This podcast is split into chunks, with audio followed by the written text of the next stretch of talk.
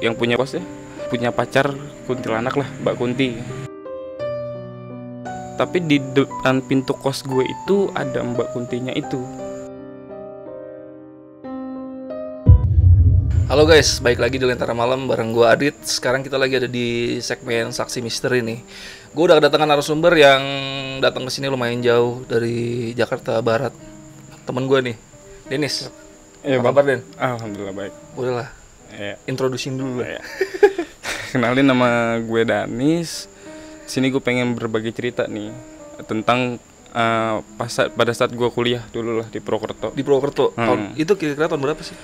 2013 sampai 2017 tuh Banyak tuh kejadian itu. lumayan lah Lu tinggalnya di kosan atau di asrama gitu? gue di kosan dan orang-orang sekitar pun apa ya nyebut kosan gue tuh kayak kosan medik lah Oh. gitu Udah urban legend situ kosan lu emang agak serem gitu. Iya. Udah terkenal sama orang-orang sekitarnya. Oh. Iya. Dan eh, Instagram lu apa nih biar kalau teman-teman mau follow-follow lu? Oh, oke Instagram gue di apa ADZ Tarigan sih Hmm, lu ada bisnis apa nih yang mau dipromoin gitu? gue sih nggak ada bisnis sih paling gue punya apa website sih Website. story story cerita cerita yang gue bikin sendiri Oh, kayak boleh gitu tuh. Boleh tuh apa namanya itu? di daniszulfikar.wixsite.com Itu aja kayak sih. Ngeblocking gitu kali ya? Ngeblogging lu ya? Iya ngeblogging bikin cerita tentang apalah segala Nggak- macem Oh, macam-macam campur tuh. ya udah nanti gua taruh linknya di deskripsi lah. Oke. Sama Instagramnya juga. Ya Udah sebelum kalian dengar ceritanya, gue minta tolong sama teman-teman buat bantu like, comment, subscribe channel ini biar cepet berkembang lah. Biar gua sama Jamal rajin juga bikin videonya semangat. Kita bikin video telusur atau yang lain-lain ya kan.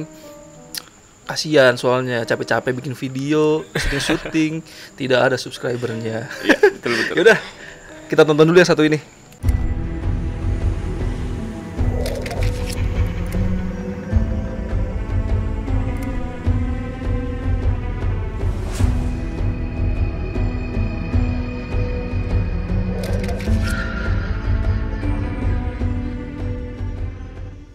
Eh, awalnya 2013 lah gue pindah ke Purwokerto tuh. Belajar budaya baru kultur baru. Kan di sana tuh mungkin nggak setenar kayak di Jogja atau Jawa Tengah lainnya ya. Kalau di Purwokerto itu kan lebih apa ya adatnya lebih kuat. Terus lebih kepercayaannya tuh lebih kejawen lah bisa dibilang. Eh, gua terhadap hal-hal yang kayak gitu sebenarnya ragu bukan nggak percaya. Ya gue ragu ketika gue nggak ada di tempat. Pertama itu kosan Medi kedua itu yang punya kos ya. Punya pacar kuntilanak lah Mbak Kunti. Kayak gitu. Padahal dia udah punya istri dan punya anak ya. Gosipnya punya pacar kuntilanak. iya. Gue meremehkan sekali lah hal-hal gitu. Karena gue belum dapat bukti real gitu. Gue bukan yang nggak percaya ya tapi meragukan lah. Banyak kejadian kayak teman-teman kos gue ketika mau bandel itu selalu digangguin sama Mbak Kuntinya. Jadi yang jaga tuh nggak secara langsung negor tapi Mbak Kuntinya yang negor. Kayak gitulah. Ya bandel-bandel kosan lah ya. Nah dari situ satu semester dua semester gue masih ngeremehin. Nah habis gitu gue dalam lagi keadaan capek banget itu sore lah. Ini kejadiannya pertama yang bikin gue percaya sih. Kejadian itu waktu 2014 Eh, kalau lo tau itu zamannya Gunung Slamet itu sempet batuk-batuk tuh. Itu kosan gue juga sempet hujan abu. Nah akhirnya gue balik ke kosan cepet ngerjain tugas istirahat tidur lah gue nah itu pada saat tidur apa ya kalau kata orang lah ketindihan lah ya. Nah itu gue nggak tahu sih itu gue nggak nemu jawaban lain lah selain yang Mbak Kunti itu yang ngerjain gue gitu. Nah saking kecapeannya gue itu gue dalam kondisi maghrib gue bangun itu gue cuma bisa melek. Gue ngebayangin kayak dalam kondisi gunung selamat itu meletus tapi di depan pintu kos gue itu ada mbak kuntinya itu. Kayak gitu maghrib maghrib kosan sepi lampu belum pada nyala ada siluet dia dalam keadaan gue ngerasanya gunung selamat itu meletus gitu. Jadi double panik lah kayak gitu lah udah takut kondisi bencananya dijagain pula sama mbak kuntinya kan. Nah dari situ gue cuma bisa teriak-teriak tapi nggak gue nggak bisa ngeluarin suara bisa berhentinya itu ketika setengah tujuh jadi setengah 30 menitan lah gue kondisi kayak gitu. Itu karena bapak kos datang ke kamar gue. Datang ke kamar gue dia negor doang sapa segala macem. Nanyain udah makan atau belum udah balik atau belum yang lain ke mana. Udah setelah itu sih gue nggak ada apa di situ gue percaya baru ternyata di kosan itu beneran ada ada yang ya mbak kunti mbak kuntiannya itulah dari situ terus berlanjut. Karena udah tahu hal-hal kayak gitu gue sih nggak nggak menjadikan gue parno ya. Tapi lebih was-was aja lah nggak nggak bandel-bandel.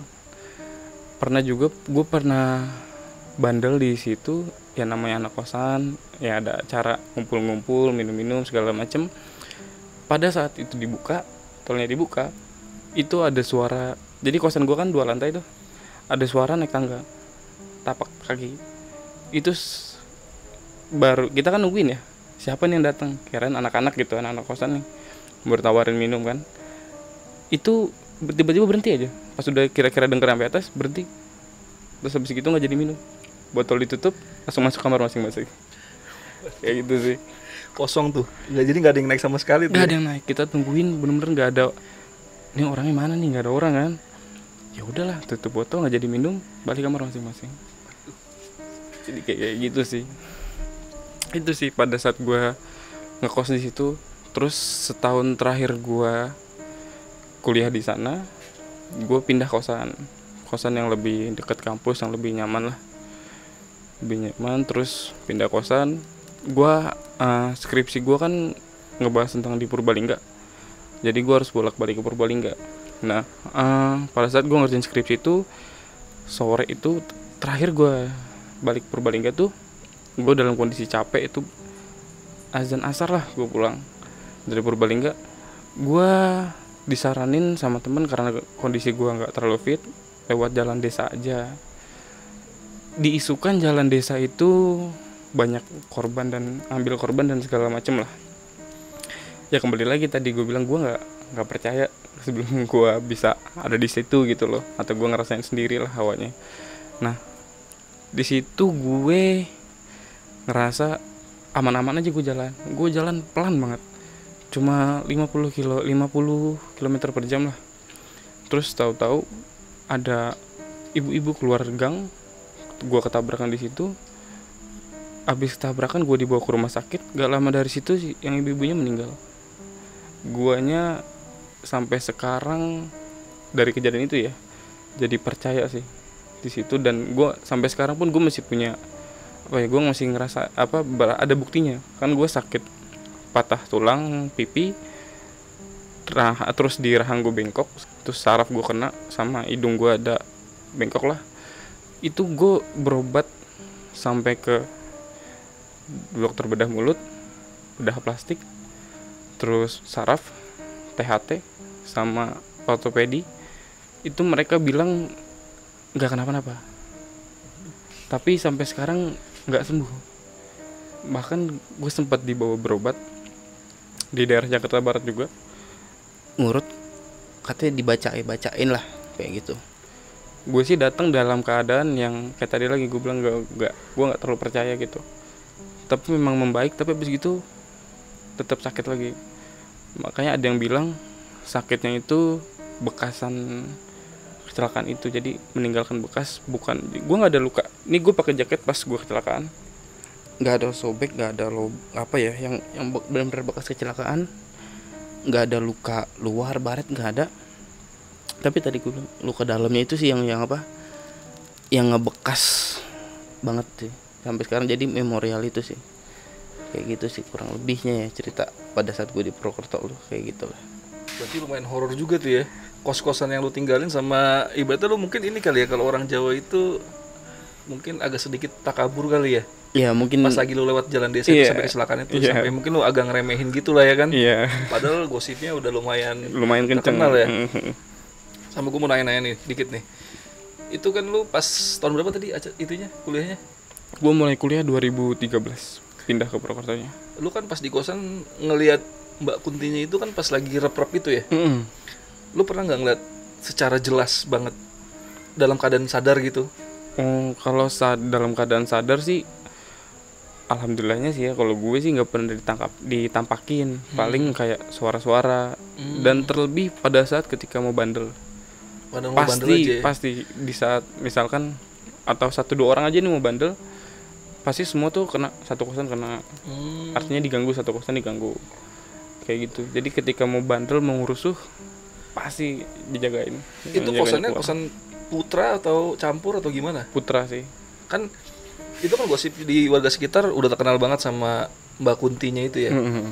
Teman-teman deket lu yang ngekos di situ pernah ngalamin ngalamin juga gak sih? Eh, sering sih banyak kan tuh kayak kalau udah malam nih mau ke toilet tapi ada yang masuk toilet duluan kayak gitu mbak kuntinya masuk duluan jadi ya udah balik lagi ke kamar paling sering ya namanya anak kampus kan rapat sampai malam tuh Aha. itu sih kejadian-kejadian yang kayak TV tiba-tiba nyala sendiri terus kadang-kadang apa kayak teman gua dia udah capek pengen nyari hiburan nonton TV ya gitu kayak gitu lagi suara tangga terus ada suara masakan dapur di bawah Aha. suara orang masak padahal ya nggak ada orang gitu Hmm. Terus kayak gitu bapak-bapaknya itu kan udah tenar banget di daerahnya itu kan pacaran sama Mbak Kunti itu ya. Mhm. Itu dia ada gosip-gosip lain gak sih? Ibaratnya kayak dia dia melihara Kunti itu biar kosannya laris atau dia punya usaha dagangan lain gitu.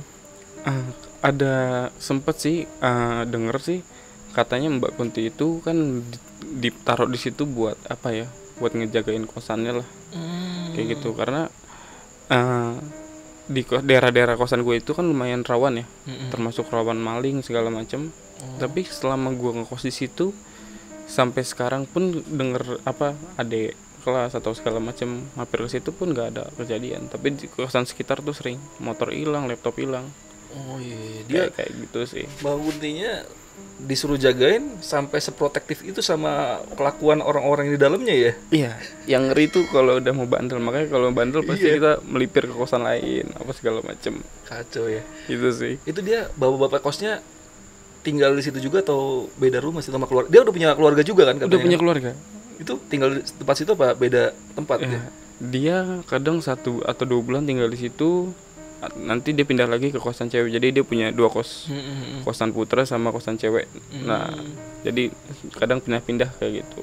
Tapi yang terkenal dengan demitnya itu di kosan lo, iya. Yang paling terkenal itu. iya sampai dibilang sama warga tuh kosan medi lah ibaratnya kosan setan. Karena dulunya emang itu kosan nggak pernah kurus. Jadi dia jadi tuh warisan katanya sih warisan dari bapak bapaknya yang jaga. Terus dibenerin sama bapak kos itu. Akhirnya baru orang-orang pada masuk. Soalnya sebelumnya tuh paling cuma satu dua habis gitu seminggu dua minggu cabut. Nggak kuat keluar, ya? kuat. Dulu tuh sampai di tangganya itu di celah celah ini ya celah keramik itu kayak ada lumut rumput-rumput saking nggak kurusnya Oh. gitu Tapi kalau pas lo tinggalin udah nggak udah nggak begitu kan? Apa masih ada bagian-bagian yang begitu? di bawah masih Masih ada bagian-bagian yang begitu ya? Mm-mm. Sebenarnya yang paling horor tuh sebenarnya di bawah sih, karena bener-bener karena kan mbak kuntinya tuh taruhnya di bawah di dapur. Sebenarnya yang horor di bawah, makanya di bawah itu nggak ada nggak ada yang menempatin. Oh. Jadi kan dua lantai, Iya, iya, iya. yang selalu penuh setiap tahun kan setiap tahun ada anak masuk baru. Haha. Nah itu yang bawah tuh nggak pernah keisi. Orang datang minat, tapi begitu pulang nggak jadi Posisi kosannya itu dekat banget sama kampus. deket. Makanya rame ya. Iya Padahal makanya. udah terkenal serem tapi tetap aja ada yang Iya. ngisi ya. Itu pas lu penuh gak tuh pas bagi lantai duanya? Pas gue itu penuh. Penuh. Lantai bawahnya kosong malahan. Lantai dua, lantai satunya kosong. Eh lantai satunya kosong iya. Mm. Jadi lantai satu tuh kalau nggak salah ada enam kamar itu kosong sama Lantai sekali. duanya berapa kamar tuh? Lantai dua sekitar sama lah enam tujuan kamar. Itu berarti sepi juga ya 6, kamar doang ya. Iya. Untung Mbak Kuntinya nggak ditaruh di lantai dua. Kalau di lantai dua lu mau kabur-kaburan susah. Susah. Di tangga gerada geruduk kan. itu dia. Anjir, Kayak gila ya. itu sih. Kacau sih emang sih. Itu sampai sekarang lu tahu nggak kosannya masih aktif atau enggak gitu? gue dapat info di sana masih aktif. Masih aktif. Eh, cuma mungkin karena bandelnya beda apa gimana jadi nggak terlalu ini sih sekarang. Udah nggak terlalu sehoror terlalu dulu gitu. sehoror dulu kalau dulu kan emang apa ya emang horor banget sih kita mau bandel dikit aja ibaratnya ya Hmm. itu udah digangguin sih pasti Itu baru niat baru mau buka botol aja udah disamperin ya. iya baru niat buka botol ngumpul cuma bertiga aja padahal bertiga nggak bukan yang ramean Iya, satu iya. kosan enggak gitu Itu digangguin. Suaranya kenceng banget bunyi deg deg degnya itu. iya kayak orang normal kita naik tangga. Tangganya dia kayu apa? keramik dia tangganya. Keramik ya? Hmm, jadi plak plak plak plak plak itu sudah nggak ada yang nggak ada yang nggak ada yang muncul gitu.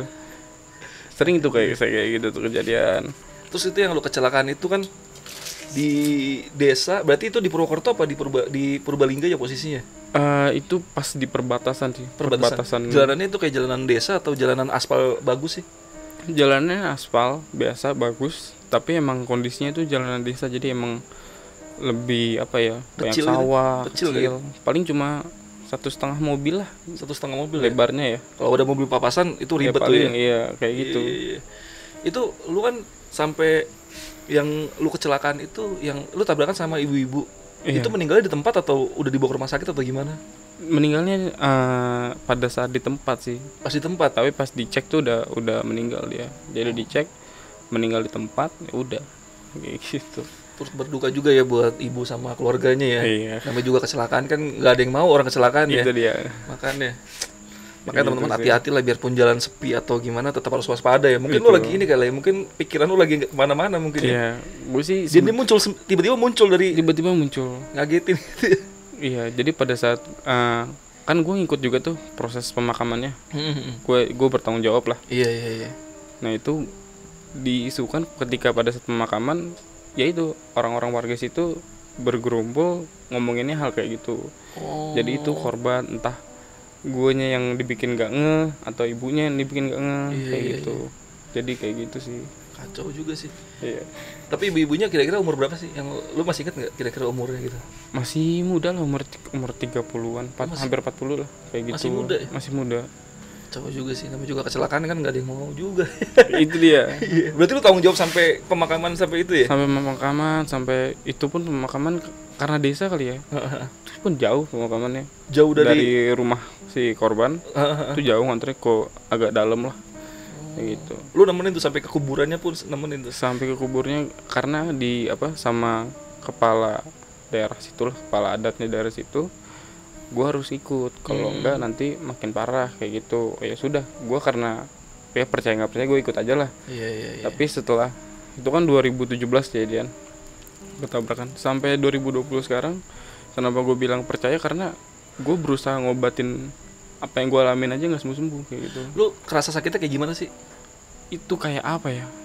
Bener kayak saraf gue tuh ketarik sininya terus apa gigi gue tuh jadi nggak rata kayak gitu loh. Makanya gue butuh apa?